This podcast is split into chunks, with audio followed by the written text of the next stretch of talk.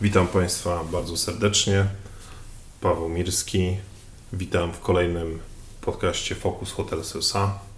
E, Jak zazwyczaj są ze mną moi wielce e, szanowni koledzy z zarządu Łukasz Płuszyński, dzień dobry Państwu. I Dariusz Burel, witam serdecznie. i dzisiaj wyjątkowo mamy specjalnego gościa.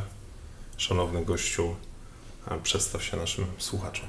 Witam serdecznie, Grzegorz Zawiasa, dyrektor do spraw zarządzania przychodami. To Dzie- Dzień dobry Grzegorzu. Bardzo mi miło, dzień dobry Grzesiu. że mogę być w tym przedświątecznym podcaście razem z Wami. Tak jest. Mamy dzisiaj 23 grudnia, jest godzina 9.40, zaczynamy. E, Grzesiu, dyrektor do spraw zarządzania przychodami. E, To jest takie dosyć e, enigmatyczne określenie, to czym się zajmujesz, tak w szczególe. No, ogólnie optymalizacją przychodów tak naprawdę. To, co, e, to, co wpływa e, do, do sieci, dostosowanie się do poszczególnych okresów, sezonów, e, prognozowanie, budżetowanie, przewidywanie pewnych trendów. Okej. tak naprawdę analityka danych, automatyzacja i ogólne działanie, aby przychód na dostępny pokój był jak najwyższy. E, Czyli, Szanowni Państwo, ja wytłumaczę ze slangu hotelowego na język bardziej zrozumiały. Jeżeli Państwo uważacie, że ceny w hotelach Focus są za wysokie, to jest wina Grzegorza. Jeżeli uważacie, że są za niskie, to też jest wina Grzegorza. No oczywiście byśmy woleli, żebyście uważali, że nasze ceny są zbyt niskie, bo to automatycznie oznacza, że mamy sporą przestrzeń do podnoszenia e, ceny. E, Natomiast jeszcze suplementem Grzegorz jest niezwykle istotną e, osobą, która zarządza całym procesem sprzedażowym, w jakich cenach sprzedajemy poszczególne segmenty. Jest to jedna z kluczowych osób w naszej firmie. I dzisiaj Grzegorz był nieprzypadkowo, e, nieprzypadkowo, czy jest nieprzypadkowo naszym gościem, dlatego że mieliśmy rozmawiać o internecie. Natomiast troszeczkę wydarzenia ostatnich dni były bardzo spektakularne, chociaż wydaje mi się, że spektakularne to nie jest dobre słowo, bo one były dla branży bardzo negatywne i troszeczkę zmienimy m, temat naszej rozmowy. Też nie porozmawiamy dzisiaj e, o wynikach. E, Zrobimy sobie takie podsumowanie w styczniu, kiedy opowiemy m, o całym roku.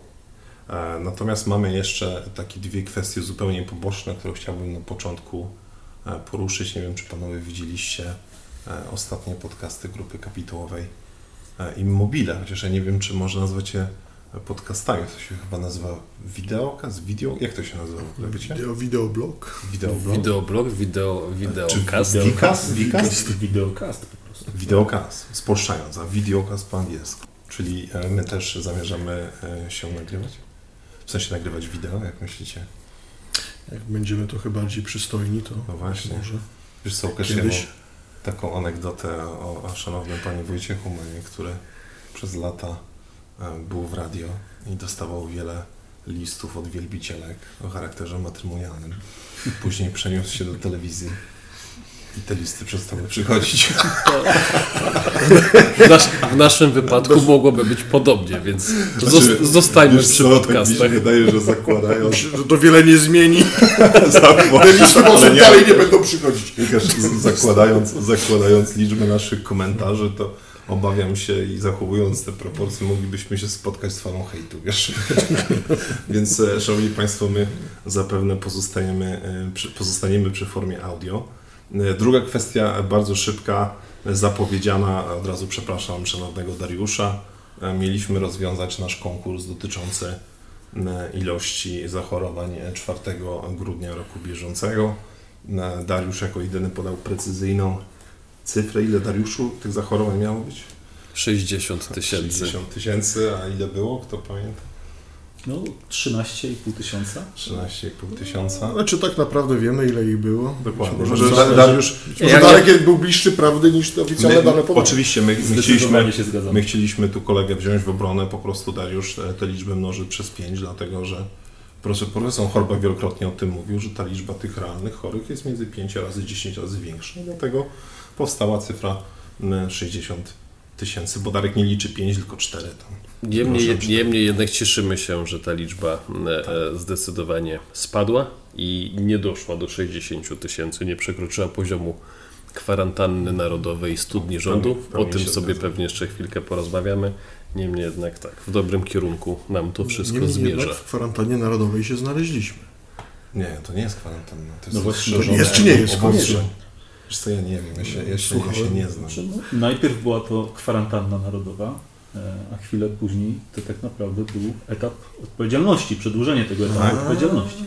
Ale my jesteśmy odpowiedzialni, chciałem powiedzieć. Wszyscy jesteśmy znowu maseczki, w maseczkach, siedzimy w przepisowej odległości. Tak jest. Dlatego słychać nas pewnie słabiej, bo teraz jest nas czterech i musieliśmy się rozsiąść, słuch nie jest zbyt duży.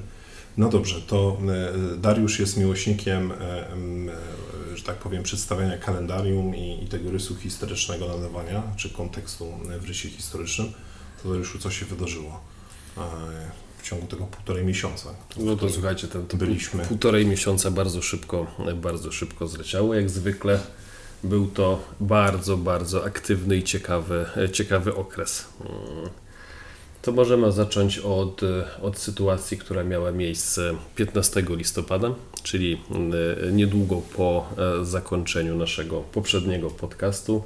Mieliśmy cały temat związany z programem pomocy dla branży kulturowej. Tak, czyli Fundusz Wsparcia Kultury. Jak kultura została wsparta?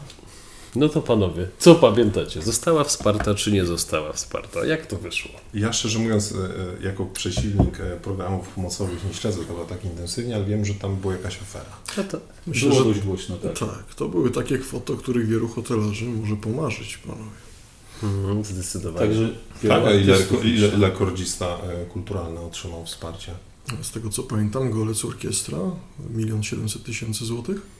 No to dwa razy tyle co my. Ich jest dwóch, więc to muszą O też podzielić. No i- no i parę jeżeli osób liczymy na osobę, jeżeli liczymy na osobę, to nie mamy Kwota już nie jest tak imponująca. Nie, Jeżeli- tylko jeżeli zesta- zesta- zestawiając te kwoty z kwotami, które były dostępne dla, dla naszej branży, czy dla innych branż, które zostały poszkodowane w tym całym procesie, no zgodzicie się ze mną, że były to kwoty, które, które powodowały zawrót głowy i była tutaj pewna niesprawiedliwość. No i dzięki Bogu pan wicepremier się, e, się zorientował i bardzo szybko, jak odtrąbił sukces, tak szybko się z tego sukcesu wycofał. E, i stwierdził, że jednak musi ten algorytm, który, e, który te kwoty nadawał, musiał go zweryfikować. No, ta weryfikacja nie była jakaś strasznie bolesna, wydaje mi się, dla beneficjentów. Te kwoty nieznacznie się zmieniły i zostały wypłacone, z tego co wiem. Tak. Finalnie tak, finalnie zostały. Nie, no, ale finalnie ja się cieszę. Cieszę się, że artyści, no, to był dla nich bardzo ciężki rok. Cieszę, cieszę się, że te pieniądze otrzymali. Tak. Tak jest moje zdanie w tym temacie. Finalnie ja się również cieszę, bo gdzieś tam jest to branża bardzo, bardzo nam bliska, tak? Wszystkie występy i tego typu rzeczy. Jest bliska do naszej branży hotelowej. Więc słuchajcie, tym rozpoczęliśmy, tym rozpoczęliśmy okres pomiędzy naszymi podcastami.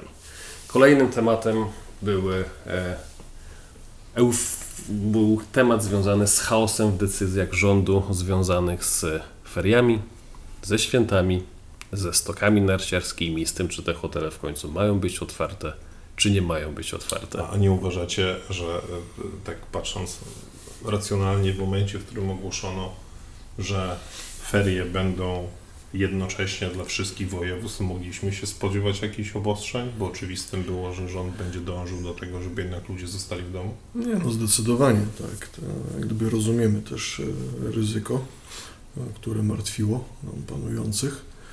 I tylko musimy zwrócić uwagę na jedną rzecz. E, Ten problem dotyczył określonej puli hoteli. W Polsce tych obiektów hotelowych mamy w chwili obecnej blisko 2700. Same obiekty górskie stanowią około 10% całości. I zamykanie całej branży z powodu co dziesiątego hotelu no, panowie, jest dość radykalnym posunięciem, tak? Poza tym, e, ponadto uważam, że zdecydowanie łatwiej byłoby zapewnić e, większą pomoc dla tych hoteli samych górskich niż dla całej branży. Dokładnie. No dobra, ale to e, mam wrażenie, Łukasz, że trochę e, wyprzedzasz e, tutaj naszą dyskusję, bo mm, zgadzam się z tym. Oczywiście, co powiedziałeś, pewnie o tym jeszcze za chwilę porozmawiamy. Mm, Natomiast tam jakieś obostrzenia jeszcze się nam wydarzyły i pewne wydarzenia przed tym zamknięciem, które nastąpiło w zeszłym tygodniu. Dariuszu. Mhm. Chcesz powiedzieć tutaj o, studi- o studniach Solidarności, No wiesz o tym jeszcze, że restauracje, o tym, że Tak. nasz rząd, czy w ogóle w mediach się e, wywiązała, czy została zawiązana jakaś taka mm, e, dziwna, dziwna koalicja, która szerzyła e, propagandę antyhotelową, mam wrażenie. Nie wiem, zgadzacie się ze mną, że, że istniało, jakby pierwszy raz chyba jako branża doświadczyliśmy po prostu nagonki Trochę medialnej. tak, była, był rodzaj nagonki, też Tak, mam wrażenie. Tak, my źli hotelarze jesteśmy największym sprawcą e, rozprzestrzeniania się No koronawirusa. właśnie i zwrócił uwagę na to przecież e, my się pięknie podzieliliśmy na miasta, w których mieszkamy. Każdy z nas chodził z pistoletem, przystawiał ten pistolet do głowy e, przychodniom, przychodniom i kazaliśmy im nocować w naszych hotelach i podpisywać fałszywe oświadczenia, prawda? Tak, ta narracja była taka, że ja się zastanawiałem, czy za chwilę nie zostanie powołana jakaś specjalna policja hotelowa, Dokładnie. która będzie sprawdzać, każde tak jak było w starych czasach, tak, że w każdym hotelu była komórka władzy, która kontrolowała wszystkich gości. Jeżeli Państwu się wydaje, że tak nie jest, to my potwierdzamy, że tak jest, ponieważ e, mieliśmy w naszym portfolio hotele, które były mm, e, przebudowywane, e, dawne hotele, które funkcjonowało w latach mm, poprzedniego systemu i rzeczywiście okablowanie było podwójne i rzeczywiście znajdowały się takie punkciki, w których można było bardzo dobrze obserwować wejście do hotelu i kluczowe punkty. Potwierdzamy to. E, Natomiast e, no też pan, e, pan minister zdrowia się wypowiedział, że będzie nas karał za to, że chodzimy z tymi pistoletami po ulicach i tych gości zwabiamy i każemy im w hotelach nocować. Co Tak, że, be- że będzie nas karał, że powstanie, że policja będzie kontrolowała hotele i kontrolowała leg- legalność pobytów, więc, Nas ukarał. Więc No nas ukarał w ten sposób było tylko. okej. Znamienne było to, że tak naprawdę była to pierwsza rzecz, którą mm, e, zmienił na konferencji e, ostatniej, gdzie ogłaszał e, kwarantannę narodową, tak? Więc jakby to był pierwszy temat poruszony. I, I ja mam wrażenie osobiście, że jest to, e, jest to troszeczkę takie e, mm, zagranie na zasadzie ja wam, ja wam pokażę, skoro wy, wy tak robicie, Mm. To ja zagram w ten sposób, tak? Na zasadzie nie słuchacie się państwa. No dobrze, ale tak e, rozmawiajmy, rozmawiajmy o, mm, o tym obiektywnie. E, Te obostrzenia, czy inaczej, by o, inaczej. Kiedy obostrzenia zostały ogłoszone, pamiętam te, te pierwsze, e, to była godzina około 20 czy 19. Nie pamiętam już jaki to był dzień tygodnia, mówię o tych marcowych, mm, gdzie hotele były, e, jakby premier ogłosił, że hotele tylko dla celów biznesowych. Pamiętam, że napisaliśmy błyskawicznie to oświadczenie. Tak. Stwierdziliśmy, że to mieliśmy konsultacje z prawnikami, byliśmy w tym zespole, w którym jesteśmy dzisiaj. E, orzekliśmy, że dla nas najbezpieczniej będzie, jeżeli jakby my nie mamy żadnych możliwości jako hotel kontrolowania e, gości, sprawdzania, czy oni są na pewno biznesowo, czy też są turystycznie, czy w jakim celu przybywają. I stwierdziliśmy, że e, przygotujemy oświadczenia. Te oświadczenia, nie mówię, że nasze, ale większość hoteli wpadła na ten sam pomysł. Te oświadczenia się upowszechniły.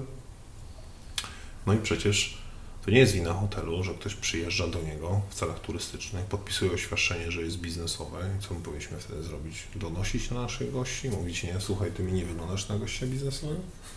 my nie mamy żadnych, Żadnych narzędzi, żadnych narzędzi nie mamy. Więc ja w ogóle uważam, że e, jakby e, próba przerzucenia odpowiedzialności za to, że goście w sposób niewłaściwy korzystają z hoteli, jakby nie przestrzegając obostrzeń, które są narzucone, jest po prostu absurdalna. No to jest tak, jakbyśmy się, nie wiem, denerwowali, że ludzie, że to jest wina centrum handlowego, że ludzie stoją w kolejce do centrum handlowego i nie No przestrzegają tak, albo wina szybkiego samochodu, że ktoś jedzie 200 na, Na godzinę, godzinę, na autostradzie, tak? To jest Tak. kwestia podejścia danego człowieka do danej sytuacji. Kwestia odpowiedzialności za, za swoje czyny. Więc jakby my, szanowny panie ministrze, my nie zgadzamy się niestety z pańską narracją, też nie zgadzamy się z tą narracją budowaną w mediach i wydaje mi się, że w ogóle jak się ta cała nasza historia koronawirusowa czy pandemiczna zakończy, to będzie ciekawy taki kasus socjologiczny, tak uważam, w jaki sposób mm, e, pewna nagonka medialna na jakąś drobną pulę hoteli, bo nie oszukujmy się też nikt poważny, nikt poważny e, pakietów e, pobyt prywatno-biznesowo, czy jakkolwiek on tam się nazywał, nie tworzył. My takiego pakietu nie, nie mieliśmy. Mieliśmy gości biznesowych. Nie wykluczałem, że jakiś procent z nich to byli goście, którzy przyjeżdżali indywidualnie. E, Natomiast podpisywali oświadczenie, tego przestrzegamy bezwzględnie. E, No i to jest ciekawy kasus, tak wydaje mi się, badawczy, w jaki sposób podejmuje się decyzje w oparciu o pewną pulę artykułów prasowych czy materiałów telewizyjnych. Mhm. W jaki sposób, w kontekście też tego, co powiedział Łukasz, uderza się w branżę. No tu mówimy o tej bańce informacyjnej, tak, Tak. że temat, to kula śnieżna, jeden, Kula drugi, śnieżna. trzeci artykuł, jeden, drugi, trzeci tweet, który zaczął być powtarzany i urosło to do tego stopnia, że, że faktycznie branża hotelarska stała się tym kłopotem Tak, i została bardzo szybko w sposób, jaki wiemy, zamknięta. Pełna zgoda, tylko chciałem jeszcze Waszą jedną uwagę zwrócić, w jaki, dlaczego my się staliśmy chłopcem do bicia, bo ewidentnie się staliśmy chłopcem do bicia, ale to wynika, i to też jest chyba, e, wydaje mi się, że e, słysząc te wszystkie dzisiaj utyskiwania, to co się stało, no branża sobie powinna uświadomić, że my jesteśmy nikłym fragmentem e, naszego dochodu narodowego, czy przychodu narodowego PKB, produktu krajowego brutto. Jesteśmy nieistotni, ale jesteśmy świetnym kozłem ofiarnym. Marketingowo brzmi, marketingowo brzmi nieźle. Darek, centrów handlowych, centra handlowe e, przed świętami zostały otwarte. No wiesz, trzeba skądś e, pieniądze czerpać i VAT jest istotnym podatkiem w naszym kraju, więc trzeba było ludziom umożliwić, a że tam akurat e, osoby się ustawiały w kolejce do sklepów i był chaos i, i tam nie było ćwierć obostrzenia przestrzeganego, to jest zupełnie inna historia, bo na samym końcu to dla tych Państwa, którzy dalej wierzycie, że rząd ma swoje pieniądze, nie, on ich nigdy nie ma i nigdy nie będzie miał, to są nasze pieniądze, które oddajemy w podatkach i rząd chciał nas zachęcić do zakupów. Ale to było też niesamowite kuriozum, jak się wchodziło do tych galerii handlowych, gdzie te ograniczenia dotyczyły ilości osób w poszczególnych sklepach, ale nie w całej galerii, więc oczywiście każdy sklep sprawdzał, ile jest osób w środku i przez to na zewnątrz ustawiała się kolejka, która czasami liczyła, kurczę, po 50, po 100 metrów, jedna osoba praktycznie stojąca na drugiej, tak? No i świetnie. I to No jest okej, tak? No to słuchajcie, jakbyśmy mieli podsumować, bo wszyscy już wiemy, nasza branża zostanie 28 grudnia e, na trzy tygodnie zamknięta. E, No to jakie były przyczyny? No tutaj wcielmy się troszeczkę w osoby decyzyjne w naszym kraju i spróbujmy, spróbujmy te przyczyny omówić.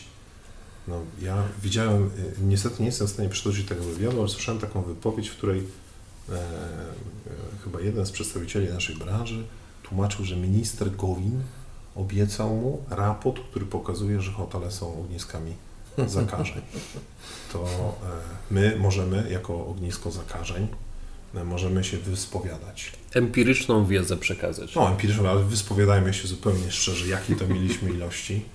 E, Grzesiu, ty jesteś naszym specjalistą o cyfr, ilu mieliśmy gości e, w tym roku do, do dnia dzisiejszego? Do dnia dzisiejszego około 91 tysięcy. Mieliśmy 91 tysięcy gości i Darku, który odpowiadasz za operację, to ilu tych chorych mieliśmy gości?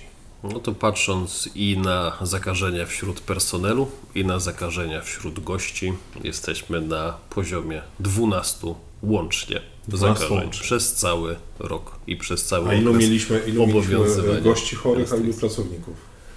E, Pracowników mieliśmy, pracowników mieliśmy 8, Mhm. a mieliśmy 6 Czyli- gości. czyli Czyli 14, 14, łącznie 14, 14 okej. osób. Tak. 14 osób na 91 tysięcy gości plus nasi pracownicy. To jest rzeczywiście skala zatrważająca. Ja nie zapomnę, że kiedyś toczyłem z jednym z kolegą z naszej grupy taką ciekawą rozmowę na początku marca, w której on mnie przekonywał, że e, musimy bardzo uważać w hotelach. Oczywiście my bardzo szybko wprowadziliśmy te wszelkie obostrzenia i jakby sami z siebie nie czekaliśmy na te rozporządzenia. Był szereg różnych praktyk, które wdrożyliśmy na samym początku pandemii. Natomiast on mnie przekonywał, mówi Paweł, wy jesteście na pierwszej linii frontu, bo przyjeżdża ta zaraza z zagranicy, oni będą spać w waszych hotelach i wszyscy się pozarażamy. Ja mu powiedziałem, wiesz co, poczekaj, bo to się rozniesie zupełnie inaczej, ludzie też wracają z zagranicy do domu. I zobaczysz, że ta liczba naszych pracowników, którzy ulegną, czy zachorują, czy będą zakażeni może, bo, bo to są e, dwie różne kwestie, Raczej uważam, że to będzie z ognisk domowych i z innych miejsc, niekoniecznie hoteli, to się potwierdza to, co mówisz, czyli tak, ale to się też pracowników, tak, ale się się też zakażyli w domu przez znajomych i sześciu gości. E, Jeszcze powiem tylko jedną rzecz. Tych sześciu gości, szanowni Państwo, to jest bardzo ciekawe. E, Mieliśmy jeden przypadek, nie powiem w jakim mieście, przy jednym wydarzeniu sportowym, że, że po prostu jeden ze sportowców m, przybył do nas chory, a pozostali to byli bezobjawowi zakażeni, którzy e, w większości byli to osoby e, zakontraktowane na statki, które przybywały u nas w hotelu i które były z racji rygoru, który jest przy wejściu na statek, Tak. e, poddawane obowiązkowym testom. Te osoby nie wiedziały, że są chore. Więc to jest, Szanowni Państwo, ta skala zakażeń. To jest to ognisko zakażeń w hotelach. Fokus. Przepraszamy Pana Ministra, przepraszamy e, wszystkich. 14 osób na 91 tysięcy gości plus pracownicy. Tylko, że Zgadzam się z Należy, należy tutaj też dodać, to już zresztą o tym rozmawialiśmy ostatnio, że my jako branża hotelarska przestrzegamy naprawdę szereg wytycznych i szereg obostrzeń. Czyli mamy, mamy płyny do dezynfekcji, mamy maseczki, mamy ozonowanie, dezynfekcję części wspólnych, odstępy itd., itd. I to powoduje też to, że te hotele są bezpieczne i one będą również bezpieczne, bo to też do, do, dążę tylko do jednej rzeczy, że zauważcie, że w naszych hotelach każdy przypadek koronawirusa zakończył się tym jednym przypadkiem. Czy to był gość, czy to był nasz pracownik, nie spo, to nie spowod, koronawirus u tej osoby nie spowodował nowego ogniska, przeniesienia się tego koronawirusa na innych gości, przeniesienia się na innych pracowników, więc to wygląda na to, że procedury, które są wdrożone, które są z góry narzucone, co prawda, ale są wdrożone w No, hotelach, nasze też są szersze niż tam narzucone. tak, ale one działają i Tylko uniemożliwiają rozprzestrzenianie Darek, tego ja koronawirusa. doskonale pamiętam, wszyscy byliśmy zaangażowani w pisanie tych początkowych procesów, e, procedur. Wszyscy ten proces układaliśmy. Tak. I jakby powiedzmy otwarcie, jakie były nasze obawy wtedy. Dlaczego hotele podeszły do tego bardzo poważnie? Otóż, Szanowni Państwo, my w hotelach ponosimy realną, realną e, odpowiedzialność za zdrowie i bezpieczeństwo naszych gości i my bardzo byliśmy pełni, czy byliśmy, byliśmy pełni obaw, bardzo się baliśmy tego, żeby mm, ten koronawirus w cudzysłowie, powiem nieładnie, przywleczony przez jednego z naszych pracowników, e, nie zaraził, czy nie zakaził gości. Dokładnie. I żeby nie skończyło się to później e, pozwem cywilnym, że nie dopatrzyliśmy pewnych procedur. I taka jest rzeczywista przyczyna, dlaczego mamy takie ilości. Zapewne większość hoteli ma podobne, ponieważ my ponosimy realną odpowiedzialność za decyzje, które podejmujemy. Realną. I bardzo bym sobie życzył, żeby rządzący też ponosili Pełną odpowiedzialność za decyzje, które podejmują. Jeżeli ustaliliśmy sobie ten protokół bezpieczeństwa, jeżeli go przestrzegamy, jesteśmy, mm, e, jesteśmy pod najróżniejszymi e, kontrolami, no to z jakiej, dlaczego my jesteśmy zamykani, mimo tego, że te wszystkie obostrzenia przestrzegamy No to odpowiedź i na to jesteśmy, pytanie, i jesteśmy Odpowiem Ci na to pytanie, bo uważam, no słuchajcie, zresztą mm, było to gdzieś między słowami, te zdanie padło. No, hotele naturalnie kojarzą się z oczywistych względów z przemieszczaniem i nasz szanowny rząd chciał w okresie ferii i w okresie przygotowania przedszczepionkowego, że tak to słowotwórczo nazwę, chciał zabezpieczyć czy zmniejszyć liczbę chorych i chciał ograniczyć przemieszczanie się ludzi. No to jest chyba rozsądny argument. Tak. Ale można to było zrobić na pewno na inny sposób niż zamykając całą branżę, tak.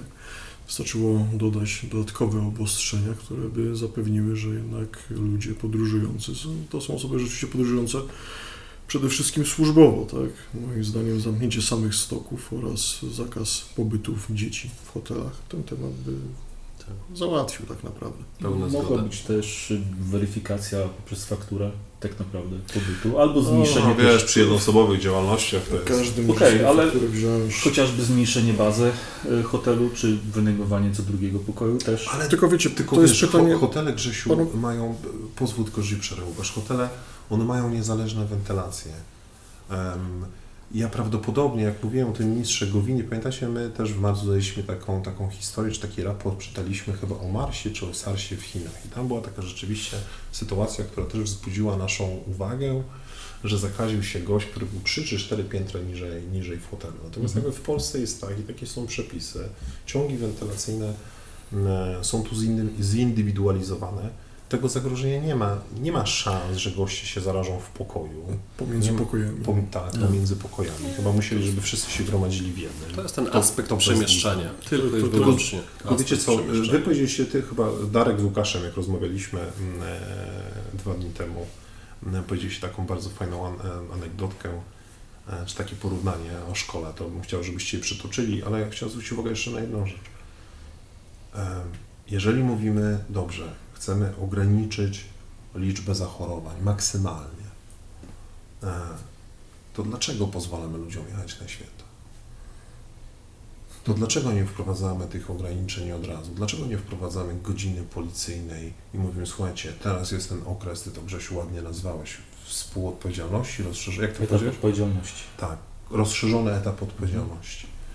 Na trzy tygodnie wszyscy się zamykamy w domach, siedzimy, jest godzina policyjna, nie wolno ci nawet wyjść z psem. Dlaczego to jest robione e, e, zaraz po świętach? Dlaczego nie przed świętami? Przecież wszyscy doskonale wiemy, no, część z nas, ja z Łukaszem mieszkamy w Warszawie, wiemy jak wygląda Warszawa w święta. No wiesz, na pewno jednym z powodów jest taki, że ciężko byłoby dotrzeć na pasterkę. No wiesz, Myślę, mi się wydaje, że też tego- gniew społeczny, wiesz, jakiś by to wzbudziło jednak. E, ludzie chcą się w Mm. święta spotkać, tak? To jest takie e, podobna sytuacja jak z tymi centrami handlowymi. Tak. Liczba musi się zgadzać, poparcie musi się zgadzać.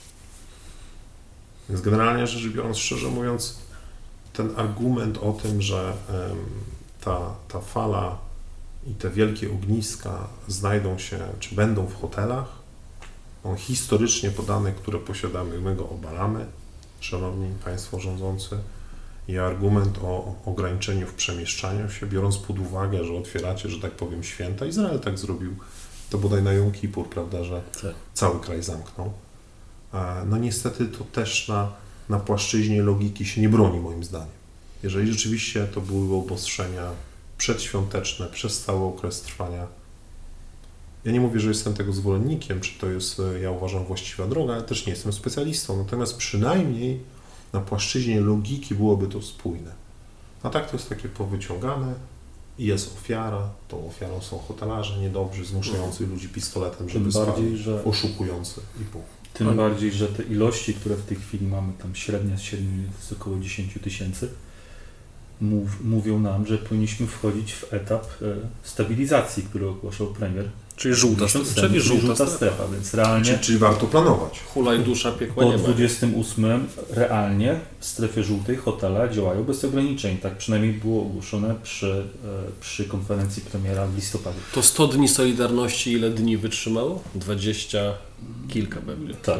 No. Tak, O, ja to około- też dobrze pamiętam. miesiąca. To była taka zaskakująca konferencja, bo wtedy rzeczywiście po raz pierwszy pojawił się jakiś plan, Jakiś plan. naszych rządzących. No, Wcześniej te działania były, polegały na tym, że za kilka godzin zamykamy to czy to, a tu pierwszy raz przedstawiono jakiś plan, konkretne liczby, no ale wyszło jak wyszło. Może chwilę politycznej. Myślicie, że to jest jakaś wojna frakcji?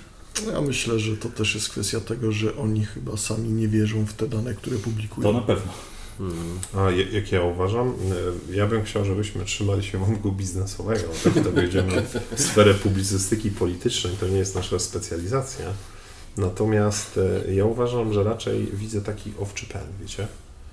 Y, Bo jest akcentowane, y, jakby ten y, narodowe się pojawia, czy słowo narodowe się pojawia w każdej kategorii.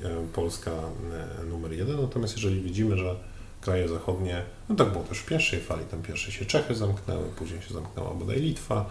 I zaraz my podążaliśmy e, e, radosnym krokiem jako kolejni. I teraz wydaje mi się, że te kraje Europy Zachodniej, które się zamknęły z różnych względów, e, ich wewnętrznych w kontekście sytuacji korona, związanej z koronawirusem, polski rząd po prostu, zresztą to chyba każda wypowiedź polityka mniej więcej zaczyna się od słowa Niemcy też, prawda? więc, więc ja raczej tutaj widzę taki e, osi pęd, lemingi tak zwane. Pierwszy lemming rzucił się w przepaść i pozostałe lecą zaraz za nim. Tak jest, taka jest moja ocena e, tych wydarzeń. Oczywiście nie można wykluczyć tego, że rządzący e, wiedzą trochę więcej i rzeczywiście obawiają się tego, że jeżeli wejdziemy z tego pułapu w trzecią falę, to będziemy mieć kłopot. Natomiast możemy przyjąć tą narrację, tylko powtarzam, dlaczego w takim razie nie zamknięto nas w domu na święta i dlaczego nie wprowadzamy drakońskich restrykcji od teraz i dlaczego my akurat znaleźliśmy się e, biedni hotelarze na celowniku. Tylko kończąc już powoli, po, kończąc powoli ten wątek i przechodząc też do, do następnego, no to też zauważcie, jak już tutaj porównujemy się z Zachodem, to przy takich pełnych lockdownach, zobaczcie co zrobiły Niemcy. Zobaczcie co zrobiły Czechy, co rząd Czech czy rząd Niemiec zrobił, tak? Pod kątem wsparcia dla pracodawców. Ja myślę, o wsparciu jeszcze pogadamy, no ale nie wiemy, jakie będzie wsparcie. Wiemy, że No właśnie, to jest, to, to, to jest największy kłopot, tak? że my jesteśmy już teraz, zaraz będzie miesiąc po ograniczeniu działalności restauracji, po zamknięciu hoteli, zaraz wejdziemy w totalne zamknięcie hoteli, o tym, o tym też za chwilkę porozmawiamy, a informacji na temat jakiegokolwiek wsparcia, jak nie było. Ale Darek, tak nie ma, no bo ma, mamy, jesteś- ta, mamy tarczę... Masz tarczę 6.0. Mamy tarczę 6.0, w której e, dzięki Bogu, że w końcu udało się nasze PKD dopisać. 5520Z, bo w pierwszej wersji tarczy w ogóle naszego PKD nie było, więc możemy Aj, odtrąbić to- to tutaj wielki, wielki sukces, ale tarcza jest zrobiona w ten sposób, że naprawdę trudno e, te, te odszkodowanie odzyskać, tak? bo tam jest ten e, wskaźnik 75%, tak kryterium 75% spadku, spadku obrotów liczone od miesięcy, kiedy które były naprawdę dobrymi miesiącami, o których rozmawialiśmy przy poprzednich podcastach, więc, więc te próby, jakiekolwiek próby ratowania e, naszych biznesów są też e, dosyć słabo przeprowadzane i Znaczy, stymulowane. ogólnie rzecz biorąc, tak, wprowadzając 75% jako ten procent kwalifikujący do uzyskania pomocy w branży silnie, silnie obciążonej kosztami osobowymi, silnie obciążonej amortyzacją bądź kosztami wynajmu. To głównie chyba chodzi o koszty, A, tak? Ale no wiesz, Darek, to jest absur- koszty stałe. A, a, absurdalne. To jest po prostu absurdalne. Tak jest moje zdanie. Znaczy, e, szanowni Państwo, to jest tak troszeczkę jak zamknięto z dnia na dzień em, em, e, cmentarze na Wszystkich Świętych, e, to podniósł się i słusznie, i słusznie. E, straszny szum e, medialny, że ci biedni przedsiębiorcy, którzy handlują kwiatami i, i zniczami, zostali z dnia na dzień odcięci od tego źródła przychodu. I tam wydali parę dziesiąt tysięcy na faktury, znaczy wydali parę dziesiąt tysięcy na kwiaty i znicze i teraz nie mają jakiej sprzedać. W wypadku hotelu, hotel średniej wielkości 100 pokoi to jest koszt około 20 kilku, 30, czasami 40 milionów złotych. I jakby e, te, te 25%, czy te 25% naszego przychodu, Szanowni Państwo, to prawdopodobnie w większości wypadków hoteli w Polsce nie obsługuje raty kredytu. Bo A nie problem, mówimy o problem, tak, problem nie jest w kosztach operacyjnych, które my mamy ograniczone do minimum. Problem jest we wszystkich kosztach stałych. To, o czym Ty powiedziałeś, to jest problem, tak? No bo to jest wszystko system naczyń połączonych. Inwestor, właściciel, budynek, kredyt. To nie jest takie proste do rozpakowania. Silnie obciążona nieruchomością branża. Po prostu ta nieruchomość pochłania, czyli jej finansowanie, lwią część naszych przychodów. E, To jest absurdalne, ale Ty mówiłeś, Łukasz, że jakiś ekspert się wypowiadał, że Znaczy 30%. tak, ta, ta, ta możliwość ograniczania kosztów jest. Może ograniczanie jest ograniczona, chciałem powiedzieć. o, świetnie, masło. Natomiast tak, ostatnio widziałem wywiad w telewizji jednego z ekspertów branży, który twierdził, że no, hotel tak musi mieć to jest 30% obłożenia, żeby mówić o zwrocie z inwestycji. Tu jednak apelowałbym, aby nie mylić rentowności operacyjnej z, ze zwrotem z Tak, inwestycji. straszne Dwie jest. różne rzeczy. To jest straszne. To jest straszne. Ja, my, my, my oczywiście jesteśmy życzliwi, uważam, że się przejęzyczył, ale e, takie, takie e, wypowiedzi nieroztropne idą w świat. Natomiast jeżeli, jeżeli, jeżeli, ten, jeżeli ten pan na 30% ma zwroty z inwestycji, które zakładał, to my byśmy z chęcią go chcieli zatrudnić, ja się deklaruję. To na pewno by uczyniło z nas e, najbardziej rentowną sieć hotelową świata w krótkim okresie czasu. Dobrze. E, Okej, o tym porozmawialiśmy. E, natomiast jak panowie uważacie, jaki będzie e, wpływ tej nagłej decyzji po mm, zamknięciu hoteli? Ogłoszenie mm, tych obostrzeń było którego grudnia? To było, Możemy odszukać. tak, to było to w było, czwartek. to było w czwartek. 17. Czyli czwartek była 17, konferencja. czyli 11 dni nam dano Ale na rozporządzenie czekaliśmy do, Do Nie, poniedziałku. no ale Łukaszu, o tym rozmawialiśmy wielokrotnie. że na rozporządzenie się teraz czeka kilka dni. Państwo tam intensywnie się konsultują, skonsultowali się. O, I tak tego dobrze, nie że wiemy. przed świętami. Ja też uważam, my e, wewnętrznie od razu mówię, więc tutaj e, przyklaskujemy rządzącym. Ja uważałem, że ono wyjdzie 27. Dali nam Więc, więcej niż e, 4 godziny. Więc mamy, Jest mamy, mamy 5 dni, jest w porządku. A dlaczego o tym mówię, Szanowni Państwo, ci, którzy nie e, słuchają naszych poprzednich podcastów? A to dlatego, że bardzo często przekaz, e, który e, słyszymy na konferencjach prasowych, różni się od treści rozporządzenia i jakby my staramy się podejmować w spółce, którą wspólnie zarządzamy, decyzje oparte na faktach. Na faktach, na liczbach. W każdym razie rozporządzenie, rozporządzenie zostało, zostało ogłoszone, przedsiębiorcy otrzymali 5 dni mm, na, na przygotowanie się, oczywiście 11 biorąc pod uwagę, kiedy zostały te restrykcje ogłoszone. E, Jaki Waszym e, zdaniem, Panowie, będzie e, wpływ na naszą branżę? I może zacznijmy od nas, to Grzesiu, znowu poproszę Ciebie. Mm, e, e, Ile pieniędzy stracimy? A, mogę mówić. Proszę, powiedzmy. No około 1 200 tysięcy złotych. To jest Milion tak dwieście lekko liczone przychody. Przychodu. Tak. W tym okresie, jak 28 grudnia się Czyli my dużo nie mieliśmy tych gości na Sylwestra indywidualnych, przyjeżdżających z rodzinami na przykład do e, pięknego miasta Łodzi, żeby jeździć na nartach. Czyli jednak No. biznes u nas. Raczej. Czyli jednak, Szanowni Państwo, kolejny empiryczny dowód, że u nas jednak był biznes, Który nie oszukiwał. który nie oszukiwał. Em, My też chyba mówiliśmy, nie wiem czy mówiliśmy na ostatnim, na ostatnim podcastie, my się spodziewaliśmy jakichś obostrzeń w tym pierwszym kwartale. Mm, To tak gwoli wyjaśnienia, bardzo nisko go za, zabudżetowaliśmy, bo wiedzieliśmy, że jakieś wydarzenia takiej podobnej natury mogą się zdarzyć. No dobrze, ale to jesteśmy my. W naszym przypadku em, też nie powinniśmy być hipokrytami. Wszyscy Państwo doskonale wiedzą, nasi, słuchacze, że my jesteśmy częścią grupy kapitałowej Immobile i nasza strata, aczkolwiek jak będzie w tym roku wyjątkowa i e, będzie bardzo wysoka, to nie jest rzecz, która, m, która jakby z naszej perspektywy zagraża stabilności naszego funkcjonowania, ale nie oszukujmy się, gdybyśmy nie byli częścią grupy kapitałowej Immobile, która jest ulokowana w wielu sektorach, to prawdopodobnie już byśmy w tej chwili walczyli o życie, bądź byli zmuszeni m, ogłaszać, e, ogłaszać mm, czy podejmować pewne kroki dotyczące układu z wierzycielami. E, Jak Waszym zdaniem będzie to wyglądało w stosunku do, do pozostałej branży? No, Myślę, że to oznacza jednak paraliż dla większości naszej branży w tym momencie. Może do samej treści rozporządzenia i tych segmentów czy rodzaju gości, którzy mogą korzystać, przejdziemy za chwilę, ale tak w ogólnym ujęciu wiele, to, to już obserwujemy, wiele hoteli na ten okres się po prostu zamyka na głucho. Jednak wydaje mi się, że najbardziej poszkodowane będą te obiekty w górach przede wszystkim.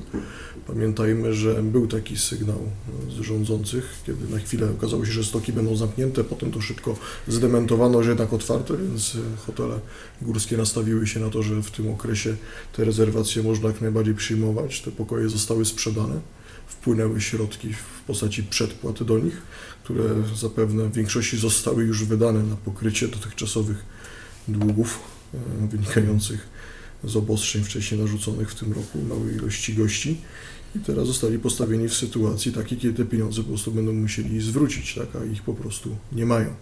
Tak. Co dla wielu z nich może się po prostu skończyć no, biznesową śmiercią. No, słuchajcie, nie tylko biznesową śmiercią był przypadek e, hotelarza, restauratora z Kujawsko-Pomorskiego, który popełnił samobójstwo w spektakularny sposób w restauracji. I najgor, najgorsze jest to, że e, tacy przedsiębiorcy, którzy mają tylko i wyłącznie jedno źródło dochodu, są odcięci od jakiegokolwiek finansowania komercyjnego, tak? No bo na chwilę teraźniejszą nasza branża czy branże pośrednie są po prostu na czarnych listach we wszystkich, we wszystkich bankach i nie ma szansy na powiększenie e, czy kredytu obrotowego, czy zaciągnięcie e, nowych zobowiązań na, e, na, na spłatę długów. To jest chociażby przykład pana Głębiewskiego, tak? który, Tak. który też ostatnio się uaktywnił e, i, i, i który wprost powiedział, tak, że stoi na skraju, na skraju bankructwa. Kredyty, które wziął na spłatę i na przeżycie już są na wyczerpaniu. Nowych kredytów wziąć nie może, ponieważ żaden bank e, tych kredytów nie chce mu udzielić.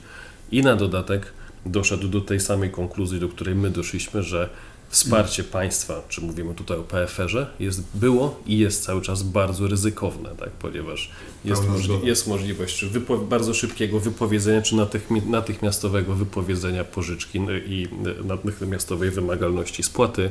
Jest temat związany z e, przejęciem aktywów i tak dalej, i No tak to, dalej. to szanowni tak. Państwo, tak jakby mm, nazywając to w bardzo prosty sposób, my tam widzimy bardzo duże zagrożenie dotyczące nacjonalizacji e, przedsiębiorstw.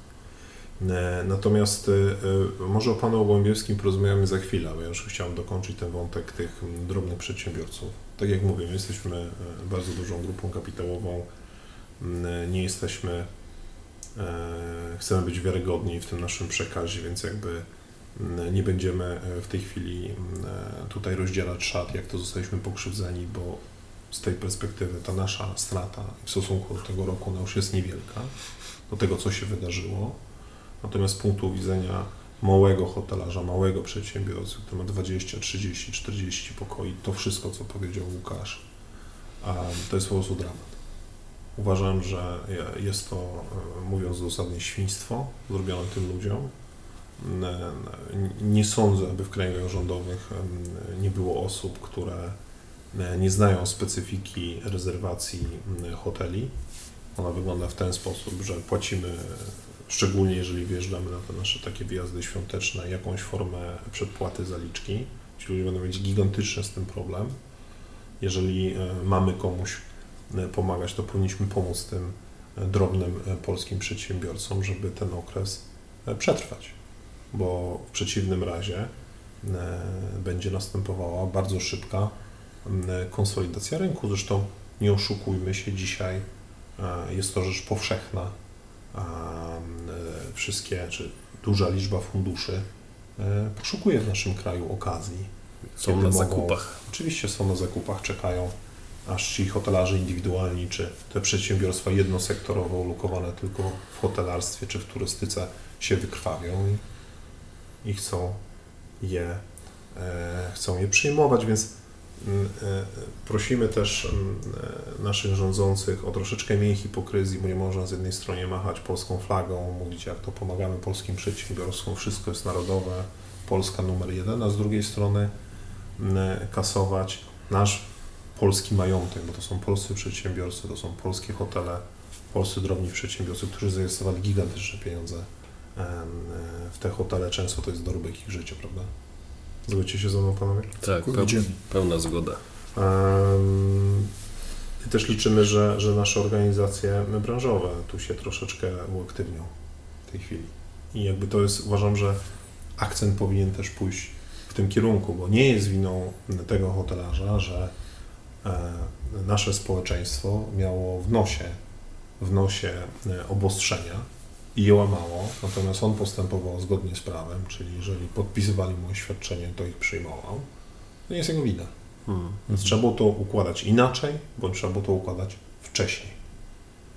A nie czekać, aż hotele się wypełnią, obudzić się z ręką w nocniku i je zamknąć, skazując część tych ludzi na potężne problemy finansowe. Tak, bądź mówiąc e, właścicielom stoków narciarskich, tak, że... Znaczy stoki narciarskie, ale wiesz, to też nie, nie są ale- cię w sprzedaży, a to już jest w ogóle dla mnie niepojęte. Tak, no bo... Najpierw się otwiera, ci ludzie inwestują Tak. w Dokładnie, ten sprzęt, przygotowują te stoki. Nie, ale słuchajcie, ale trzy, ale, ale trzy tygodnie temu był taki okres niepewności, kiedy były przepychanki otwarte, zamknięte, otwarte, Tak. zamknięte i przecież finalnie i właściciele, i minister Gowin powiedział, ustalony protokół bezpieczeństwa, stoki będą działały. To, to była obustronna decyzja, więc cała, wszystkie inwestycje ruszyły na śnieżanie, hotele, rezerwacje, no bo goście, czy my jako, jako klienci też nie wiedzieliśmy jechać, nie jechać, ustalone z rządem, znaczy się przyklepane, jedziemy. Co się dzieje po trzech tygodniach? Jednak niestety stoki są zamknięte, mimo odtrąbienia sukcesu trzy tygodnie temu. I, I tutaj rozmawialiśmy o zaufaniu.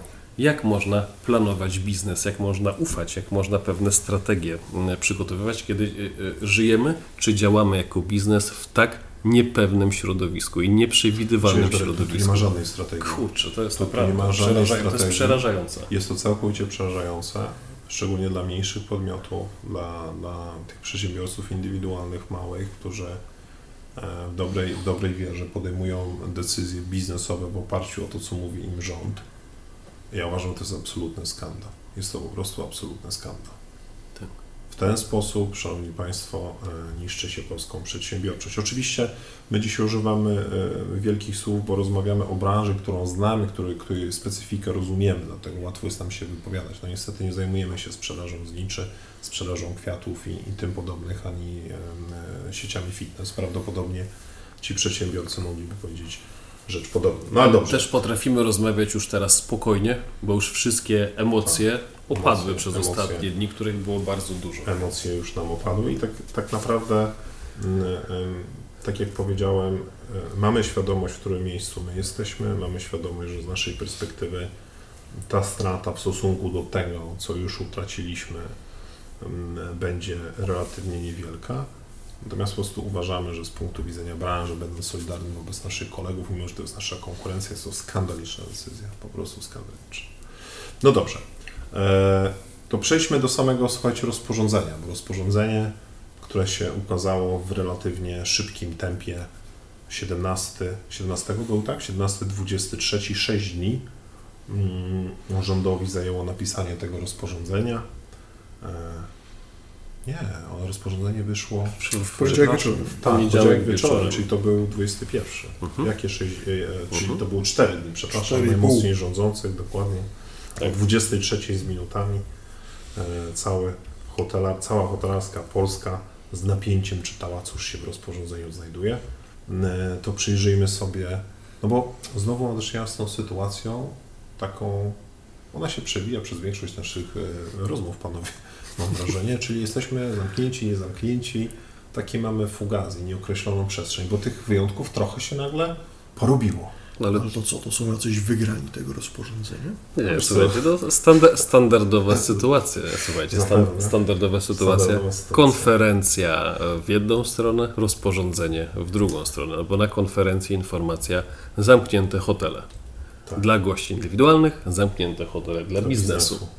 Więc wszyscy się przygotowywali do tego, że faktycznie te hotele będą zamknięte. Pojawiło się, pojawiło się tajemnicze, e, tajemnicze e, słowo, czy tajemniczy zwrot hotele robotnicze, Mm, ale to o tym sobie za chwilkę Nie, nie, to hotele robotniczych możesz, nie, to były hotele pracownicze, Które nie się. występują w które nie występują w naturze.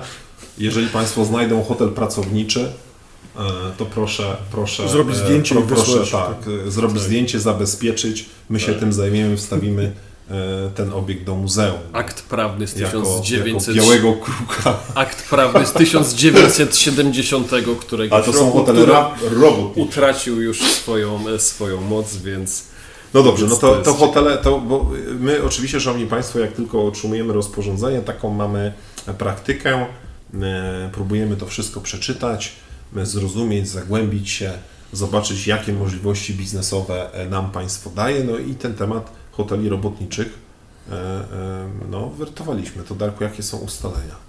Jakbyś ciu- króciutko mógł o tym no opowiedzieć. dobrze, to- Zbliża nam się już Najważ- znowu Najważniejszy, najważniejszym ustaleniem było to, że taki twór w nomenklaturze urzędów, e, urzędów miast po prostu nie występuje.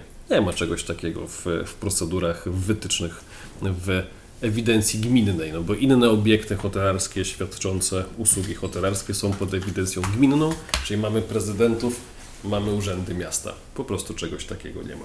Znaczy jak to nie ma?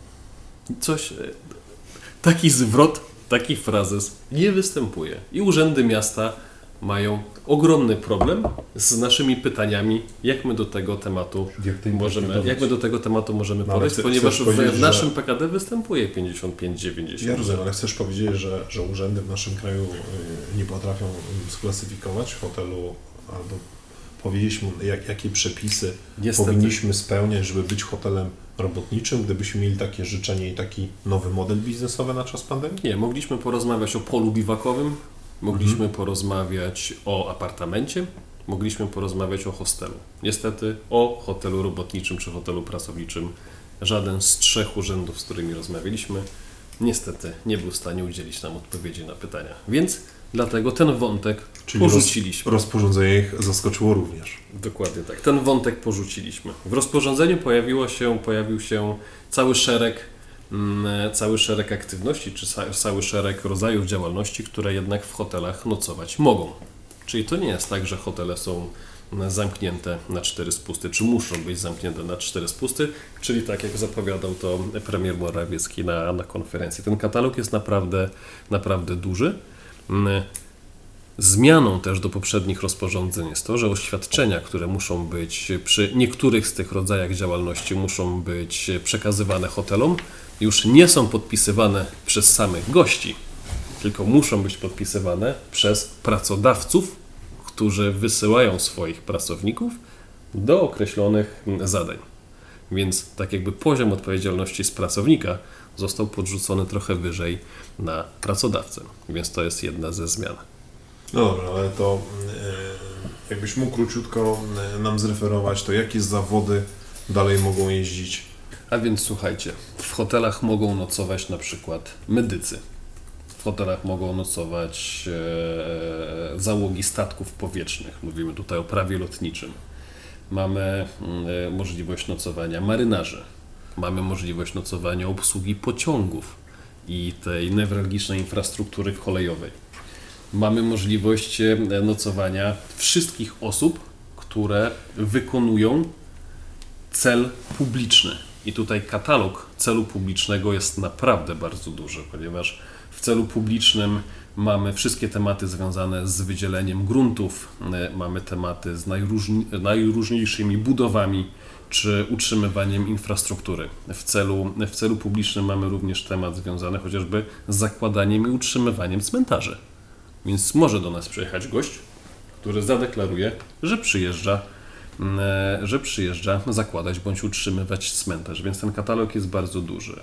Mamy temat związany z przewoźnikami kolejowymi i z ludźmi, czy z pracownikami, którzy obsługują sieci trakcyjne.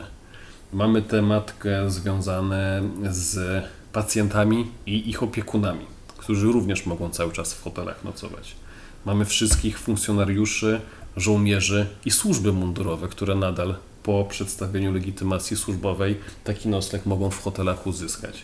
Mamy... Ale e, poczekaj, jeśli chodzi o, o żołnierzy, to chyba tam e, z tego co pamiętam zabrakło jednego ważnego dopisku, bo e, w wielu miastach my akurat tych gości mamy w Bydgoszczy w związku z JFTC mamy żołnierzy NATO, którzy przyjeżdżają no do naszego nie... kraju się szkolić. Nie, nie tylko Bydgoszcz, też inne miasta. Na Szczecinie. Żołnierze nie Polacy. Nie, zgadzam się, akurat tego zabrakło, ale na przykład e, nie zabrakło inwestycji związaną z e, przebudową portu w Świnoujściu. Dzięki Bogu. No to jest ciekawy temat. Tak. Bo z, z tego co pamiętam, to jest chyba jedyny zapis, który w taki bardzo konkretny sposób odnosi się do jednej inwestycji. Strategicznej inwestycji. No to jest na pewno strategiczna inwestycja, Warto to bez uznań. Wieść gminna niesie, Darku, że właśnie przeczytałeś segmentację klientów jednej z polskich sieci hotelarskich. Na serio? O kurczę. Tak. To proszę Wam. To jest ciekawe. To znaczy, jeżeli możemy na tym punkcie się zatrzymać, słuchajcie, to nie jest żadna e, tajna wiedza. E, jeśli chodzi o, o, port czy przebudowę portu w Świnoujściu. Takich projektów bardzo dużych, infrastrukturalnych, czy też budowy fabryk w Polsce odbywa się kilka. Takim drugim znanym w całej branży projektem jest budowa fabryki LG e, pod Wrocławiem. E, zastanawiam się, dlaczego znajduje się w tym rozporządzeniu port w Świnoujściu, a dlaczego nie znajduje się fabryka LG w Wrocławiu albo dlaczego nie znajduje się kilka innych projektów, które my mamy w naszych hotelach dotyczących rozbudowy sklepu, czy też pewnych innych rzeczy. Dlaczego mhm. się akurat tą jedną budowę, zresztą nie ma w tej chwili zakazu, przecież ja nie widziałem w tym rozporządzeniu nic o tym, że musimy zatrzymać budowę. Mhm. Jak myślicie? Skąd ta różnica się bierze? Że wymienia się jedną, to jest enumeratywnie jedna inwestycja w skali kraju wymieniona w rozporządzeniu. Czegoś takiego jeszcze nie Należałoby zadać pytanie, z kim to rozporządzenie z branży było konsultowane. A właśnie. A właśnie, bo słuchajcie, to jest, to jest, to jest ciekawy wątek, bo jeżeli jest tak, jak ta wieść gminna niesie, ale my jesteśmy dalecy od powtarzania plotek i mamy do czynienia tu z forowaniem jednej organizacji, czy jednego przedsiębiorcy funkcjonującego na rynku, no to jest chyba a, chroni tutaj nas prawo o nieuczciwej konkurencji. Ktoś mógłby chcieć pozwać a, w tym temacie bądź tą spółkę, e, bądź skarb państwa, bo jest to wyjątkowo dziwna treść tego innego punktu. Byłby wielki skandal, gdyby to się potwierdziło. Pełna No, zgoda. zakładam, że e, kilka pozwów na pewno się pojawi w przyszłym roku. Może nie w temacie dokładnie tego zapisu, ale w temacie całej sytuacji, bo to już jest, to już jest e, informacja ogólnie dostępna, także coraz więcej mniejszych i większych, większych przedsiębiorców planuje jednak wystąpienie z No pozwami do Skarbu Państwa. na pewno zaapelować do organizacji branżowych o, o zweryfikowanie tego i ustalenie, Hmm. dlaczego tak to zostało ustalone. Ja, ja się w Pełna pełni zgoda. zgadzam, bo zakładam, że jeżeli byłoby to konsultowane w odpowiedni sposób z organizacjami branżowymi, to No nie byłoby mowy o tym, żeby pojedyncze uważam, że, że inwestycje pojedyncze były. inwestycje by się nie znalazły. Byłaby mowa o pewnych inwestycjach, czy tych gościach longstayowych, czyli długoterminowych, którzy w hotelu zostają. E, Szanowni Państwo, e, e, w marcu my mieliśmy taką sytuację, w której zamknięto hotele. E, My wystosowaliśmy e, pismo do wszystkich urzędów marszałkowskich, w którym domagaliśmy się wyjaśnienia, co my mamy zrobić z gośćmi, którzy są w Polsce w celach nie biznesowych, ale w celach turystycznych, ale którzy nie mają możliwości powrotu Mhm. e, do swojego kraju z racji tych obostrzeń, które były wprowadzone na, na, na poziomie przyjazdu, wyjazdu, po prostu nie latały samoloty. I pamiętam wtedy, że nie wiem, czy akurat to było tylko nasze pismo, zakładam, że nie jesteśmy jedyni, którzy mieli ten problem, więc tych pism i różnych petycji było zdecydowanie więcej. Wtedy to rozporządzenie zostało zmienione. Tam z tego co pamiętam dodatkowy e, czas był dany. Natomiast tu całkowicie nie rozumiem, dlaczego ta tylko i wyłącznie jedna inwestycja e, pojawiła się i dlaczego czym się różni poza znaczeniem strategicznym z punktu widzenia dostaw tego surowca ta inwestycja mm, e, w stosunku choćby do fabryki LG we Mhm. Wrocławiu, tym bardziej, że e, to też nie jest żadna tajemnica. Korea Południowa sobie świetnie radzi z koronawirusem i wiemy e, skądinąd, że akurat ta firma bardzo restrykcyjnie podchodzi do wszelkich rzeczy związanych z I pobytem Dba o swoich ich pracowników i bardzo dba. nawet nad wyraz mocno. Więc no, to jest bardzo, bardzo, bardzo dziwne. No pewnie czas, e, czas przyniesie nam odpowiedź. Czas pewnie przyniesie nam, nam odpowiedź. Zobaczymy, czy te plotki się Ale, potwierdzą. tak, ale to o czym Ty mówisz, także mówię, w rozporządzeniu mamy cały szereg e, możliwych działalności, możliwych rodzajów wykonywania, e, wykonywane, wykonywanego zawodu, niemniej jednak rządzący zapomnieli o naszych longstayach i to jest, i to jest bardzo my, my, będziemy, my będziemy, my będziemy em, ponownie, mamy część gości kwalifikujących się pod to rozporządzenie, E, mamy wielu, którzy się nie kwalifikują, E, zamierzamy dbać o naszych gości i na pewno jeżeli nikogo nie pozostawimy e, samego, nikogo na ulicę w grudniu nie wyrzucimy i tutaj dajemy Państwu, to jest nasze oświadczenie zarządu, najwyżej będziemy cierpieć za naszych gości. Więc e, jakby apelujemy, to jest bardzo ważne, o pewną, mm, jakby planować pewne działania i z drugiej strony konsultować się z branżą, żeby te decyzje uwzględniały sytuację.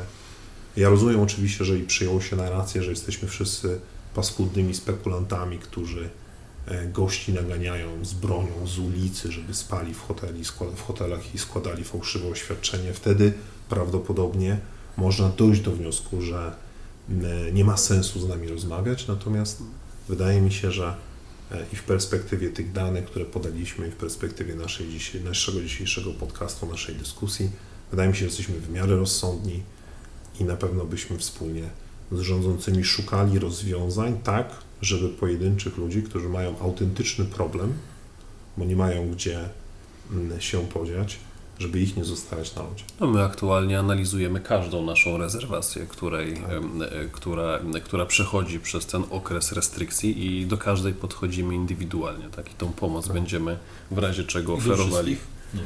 Tak, no i plus do wszystkich, no, nowych, oczywiście. które ewentualnie na okres restrykcji wpadną. Tylko co jeszcze chciałem, na co chciałem zwró- zwrócić Waszą uwagę, to jest to, że bardzo dużo przedsiębiorców nie podejmuje decyzji tak jak my, czytając, dochodząc do sedna, analizując tematy, tylko podejmuje decyzje po konferencji. To mamy przykład chociażby tutaj Grzegorz z Twojego poletka, czyli mm, e, OTA i otwartość hoteli na OTA, czyli poprzez wszystkie systemy rezerwacji online.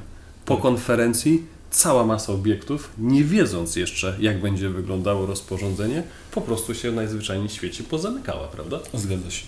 Zgadza się. Od razu po konferencji większość, w zależności od miasta, ale, ale tak, e, z 60-70% hoteli zostało wyłączonych. e, Pozostałe 20% wyłączyło się e, po publikowaniu rozporządzenia. Czyli tak naprawdę w tej chwili w naszych miastach e, poza, poza nami e, pojedyncze hotele są e, dostępne. No i to jest chyba ten moment, żebyśmy ogłosili, że my decyzją zarządu pozostajemy otwarci. Więc zapraszamy medyków, zapraszamy adwokatów, Tak. zapraszamy kierowców, Jeżeli, szanowni Żołnierzy, Państwo, jeżeli, członków misji żołnierze, dyplomatycznych. jeżeli, szanowni Państwo, e, chcecie wiedzieć, czy jesteście zakwalifikowani względem rozporządzenia i nie chce Wam się go czytać, po prostu zróbcie u nas rezerwację. Skontaktujcie się z nami, dokładnie. E, Nie, po prostu zróbcie rezerwację, dostaniecie potwierdzenie, gdzie będziemy Was prosić e, o przesłanie pewnych dokumentów. W tym potwierdzeniu będziecie mieć ładną, zgrabną tabelkę, która Wam wszystko wytłumaczy w bardzo prosty sposób, więc być może się kwalifikujecie. Natomiast pozostajemy otwarci i wydaje mi się, że może jest jakiś czas, panowie, żeby na naszych obiektach wywiesić taką piracką flagę.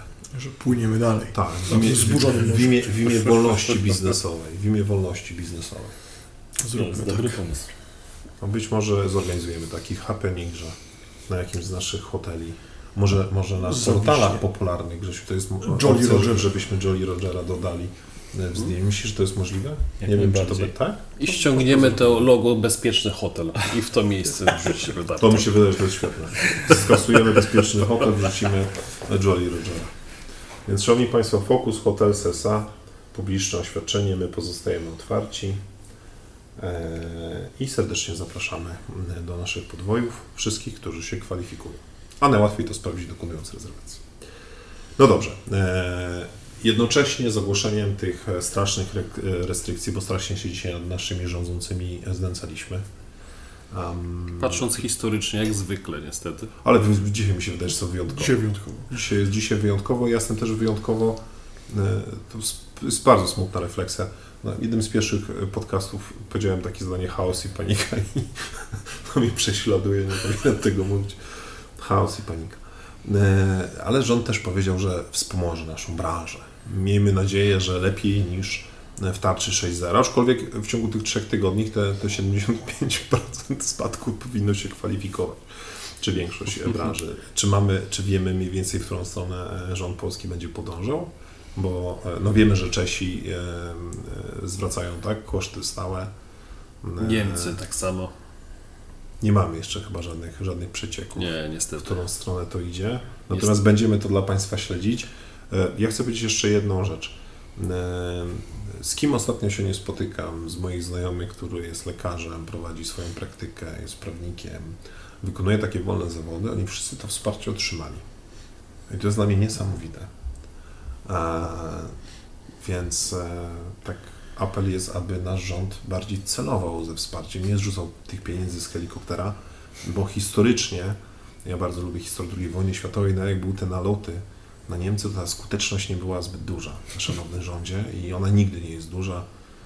Jak była operacja w Ardenach, tam również alianci pomagali oblężonym Naloty dywanowe. E, Nie, nie, pomagali oblężonym zrzucając zapasy i połowę tych zapasów zrzucili nie do tych, do których trzeba. Mam wrażenie, że zrzucając pieniądze z helikoptera z dużej wysokości, ciężko jest tych maluczkich zobaczyć i też można z tą pomocą nie trafić, więc szukajmy czegoś precyzyjnego. To też doświadczenie nas nauczyło, żeby nie wierzyć w pewne obietnice i zapewnienie padające z ust rządzących. Zaczekajmy na konkrety i z tego ich rozliczmy. No ale konkrety już, a konkrety w temacie innym, o którym myślę na koniec powinniśmy porozmawiać, już mamy. 27 grudzień, dzień rozpoczęcia szczepień w Polsce. No, wiesz co, dzisiaj rozmawiamy o szczepieniach. Już tak, tak patrzę, że nam się trochę czas kończy. Znowu Mamy prawie godzinę, więc Zostawmy to sobie na ja styczniowy myślę, że podcast. zostawmy sobie. Bardzo się cieszymy ze szczepień. My możemy powiedzieć króciutko, że zachęcamy wszystkich, żeby się szczepić. Sami Jesteśmy również się zaszczepimy. zwolennikami sami Nie się medialnie, zaszczepimy. bo osobami medialnymi Nie jesteśmy, no chyba zaczniemy robić wideokasty. Wtedy kto wie, kto wie. Ale mamy nadzieję, że pan premier, jako jeden z pierwszych, Pełna publicznie. Zgoda. Ale chyba pan premier to ogłosił, wydaje mi się. Na pewno pan prezydent ogłosił, Nie, że pan prezydent będzie... ogłosił, że on się zaszczepi, kiedy będzie jego To kolej. Co jest rozsądne. Tak. Czyli zmienił zdanie. Natomiast nie, wie- nie wiem, który z. Was wygrzebał ten fragment, czy ja go gdzieś znalazłem na Twitterze. E, nie wiem, czy widzieliście tą anegdotę, że jakiś, chyba na forum porozumieniu rezydentów ktoś napisał, że powinno, to w ogóle jest źle robione, że w sensie ta cała kampania promocyjna szczepień jest źle zorganizowana, bo powinno być tak, że premier powinien ogłosić, że szczepienia są tylko i wyłącznie dla wybranych i w pierwszej kolejności polityków. Wtedy naród się wkurzy, że jak tu politycy pieci i powiedzieć, że dla reszty płatne. To wtedy premier powinien się z tego wycofać, ogłosić, że dla reszty też bezpłatne, ale tylko do 15 stycznia, bo później płatne. To wtedy wszyscy się zaszczepią do 15 stycznia, będzie spokój. a w tej chwili To chyba to jest dobry pomysł, znając... 17% jest chętnych na szczepienia. To jest, że wtedy jest 70. Słuchaj, jeżeli by ogłoszono, że szczepionki są super, szczepią się rządzący, nie mają za darmo, a cały naród płaci, uwierz mi, Grzesiu, że te liczby No, ale by się poprawiły. 17%, Jesteśmy specyficznym 17%, no bo biednych naszych obywateli straszą, że tam są chipy, No bo co? które będą pływały potem w twojej No krwi i będziesz pikał na wszystkich Dobrze, bramkach. słuchajcie, e, porozmawiajmy, porozmawiajmy o chipach e, i o szczepieniach e, w naszym kolejnym podcaście. Będziemy... Będziemy, Może to być przepustka do normalności, o tym Tak. pogadamy. pełna Tak. zgoda, będziemy e, na pewno, e, to będzie nasz kolejny e, podcast i będziemy w niezmienionym składzie, czyli Grzegorz, zapraszamy Cię ponownie. Będziemy rozmawiać o 2020 roku, porozmawiamy o szczepieniach. Może nam się uda porozmawiać o internecie, natomiast my dzisiaj, z racji tego, że rząd niczego nie planuje i wszystko zmienia w sposób chaotyczny, nam jest też ciężko zaplanować podcasty, no bo byłoby to mało wskazane, gdybyśmy dzisiaj rozmawiali o wpływie internetu na biznes hotelowy. Trochę oderwaniu od rzeczywistości byśmy byli. Chociaż to by nawet pasowało do sytuacji. Postaramy się to zrobić zaraz po feriach. Postara, Ale postaramy się zrobić jak najszybciej przykład z najlepszych i nie planujmy. Nie planujmy. Porozmawiamy na pewno o roku 2020 i o kolejnych wydarzeniach, które naszą branżę dotykają. I panowie, na koniec pozostaje nam złożyć życzenia świąteczne. Ja wam tego przedtem niestety nie mówiłem, ale e, wymyśliłem, żebyśmy zrobili taką, taki teatrzyk jak dzieci i każdy, e, ja powiem, życzymy Państwu, a każdy z Was będzie musiał coś od siebie e, dorzucić. Wprawdzie tego e, ani Was o tym nie poinformowałem, ani tego nie trenowaliśmy, więc pewnie wyjdzie fatalnie. E, Wtedy się najwyżej wytnie. Więc, e, Szanowni Państwo, życzymy Państwu Wszystkiego dobrego. Powrotu do normalności. I oby ten przyszły rok był zdecydowanie lepszy od tego, który się właśnie kończy. I ode mnie dużo zdrowia. No i hucznego Sylwestra w Ty- salonie. Prosimy właśnie spędzać go w salonie, nie wychodzić, bo pewnie będzie trzeba wtedy sprawę sądową mieć, jak policja złapie. Zachęcamy oczywiście do komentowania pod tym filmem, zadawania nam pytań i do usłyszenia już w 2021 roku. I raz jeszcze zachęcamy do dokonywania rezerwacji. dokonywania rezerwacji, wtedy Państwo dokładnie się dowiedzą, jakie są e, obostrzenia. E, Z mojej strony jeszcze życzę Państwu, aby ten przyszły rok był zdecydowanie lepszy. Aczkolwiek mam kilku takich znajomych, którzy mają takie biznesy, nie będę mówił jakie, żeby tutaj nie zdradzać, który, który był fenomenalny. Dla nas niestety nie był, więc my sobie życzymy dobrego roku. Państwu też dużo, dużo zdrowia, dużo, dużo spokoju. Wszystkiego dobrego. Do zobaczenia i do usłyszenia w przyszłym roku. Do usłyszenia. Dobrze.